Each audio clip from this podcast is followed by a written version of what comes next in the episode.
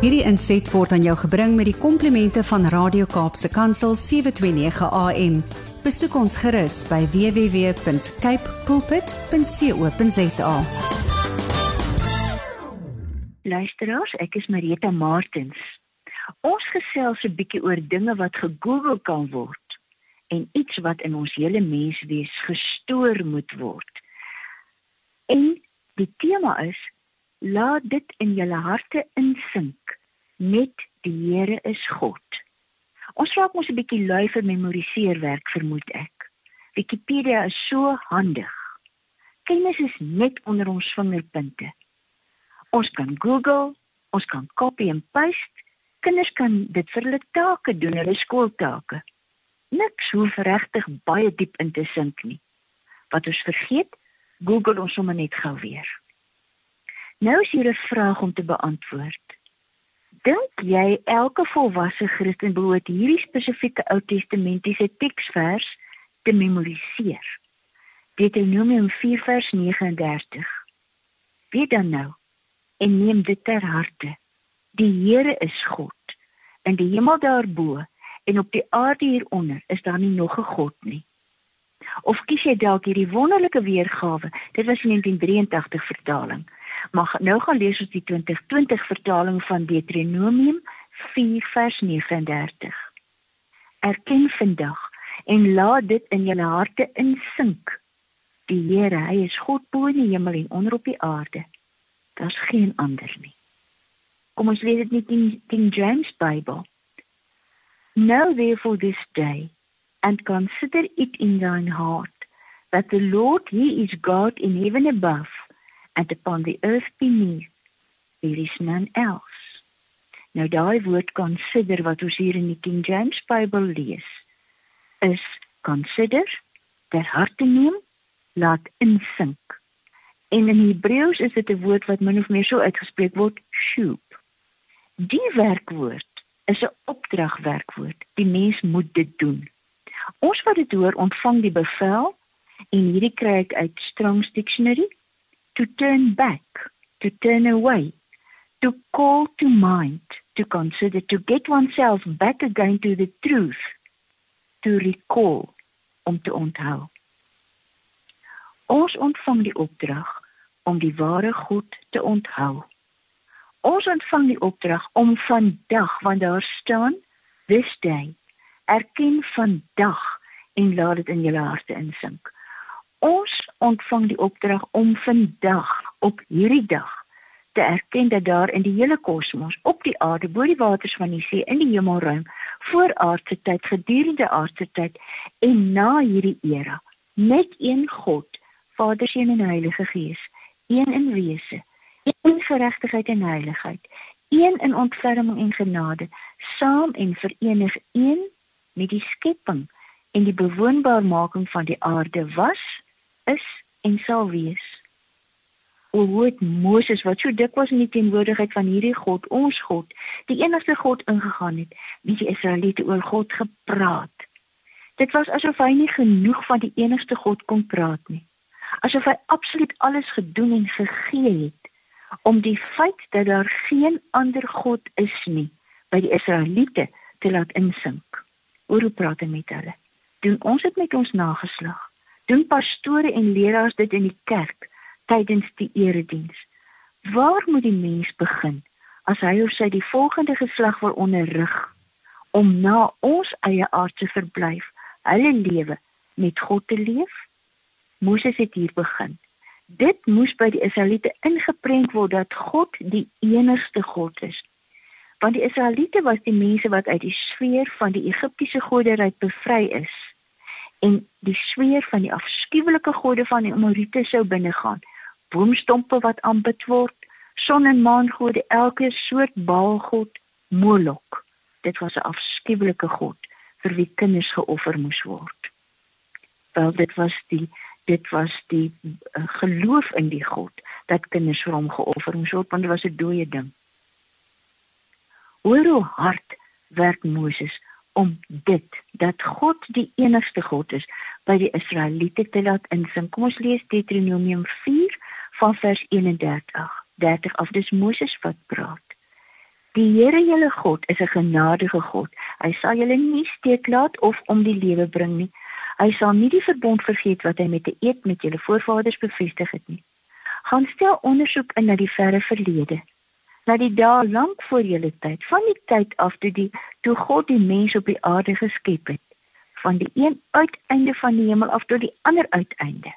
En kyk of iets so magtigs al gebeur het en of so iets al gehoor is. Het 'n volk die stem van sy God uit die vuur hoor praat, soos julle die stem van julle God gehoor het en hy het bly lewe? Het 'n God, dis een met 'n klein letter, dit ooit gewaag om van 'n nasie te kom vat by 'n ander nasie? En dit met rampbetekens, wonders, oorlog, magtige dade, wonderlike groot dade waarvoor mense vreesbevange word?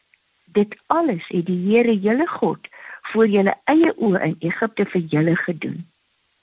Dit is vir julle gewys dat julle kan besef die Here is God en daar is naas hom nie 'n ander nie. Hy het julle sy stem uit die hemel laat hoor om julle te onderrig en hy het julle sy groot vuur op die aarde laat sien en julle het sy woorde uit die vuur uitgehoor. Omdat die Here julle voorvaders liefgehad en hulle nageslag uitgekies het, het hy julle deur sy groot krag in sy teenwoordigheid laat trek uit Egipte uit om nasies groter en sterker as julle vir julle uit te verdryf en om julle in julle land in te bring en dit aan julle te gee as julle besitting en is nou nog so.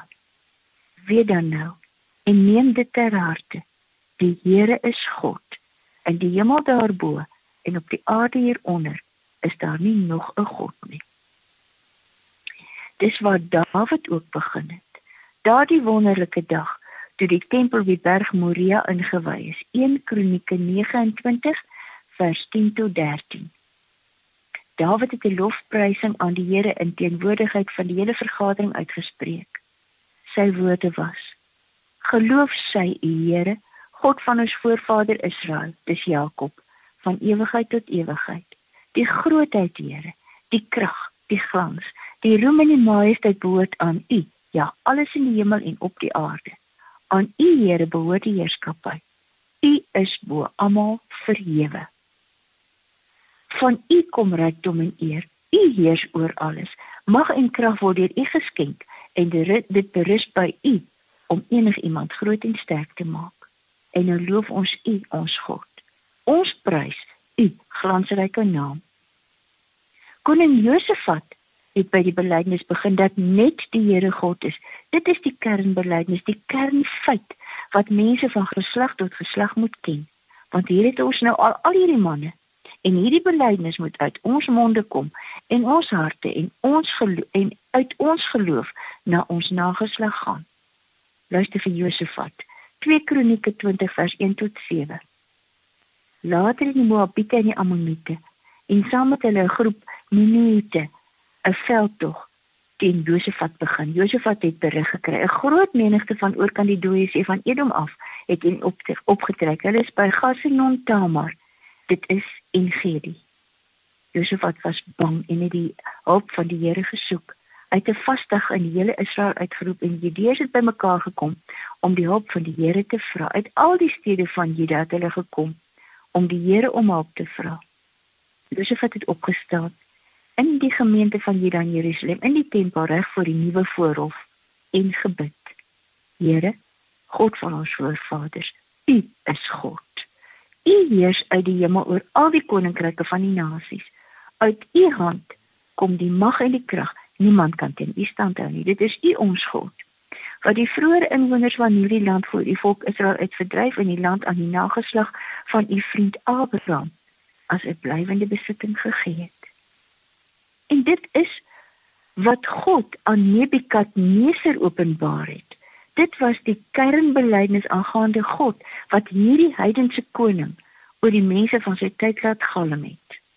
Daniël 4:33 tot 37 Op dieselfde oomblik het Nebukadneser gekom, het oor Nebukadneser gekom wat oor hom gesê is, as uit die menslike samelewing uitgestoot en moes gras eet soos beeste, hy snags deur die dou van die hemel nat gemaak en sy hare het so lank geword soos die vere van 'n arend en sy naels soos die van 'n voël.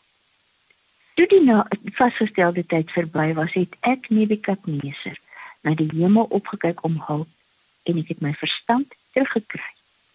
Ek het die Allerhoogste geprys. Ek het hom wat ewig leef, geloof en geëer. Aan sy heerskappy is daar geen einde nie.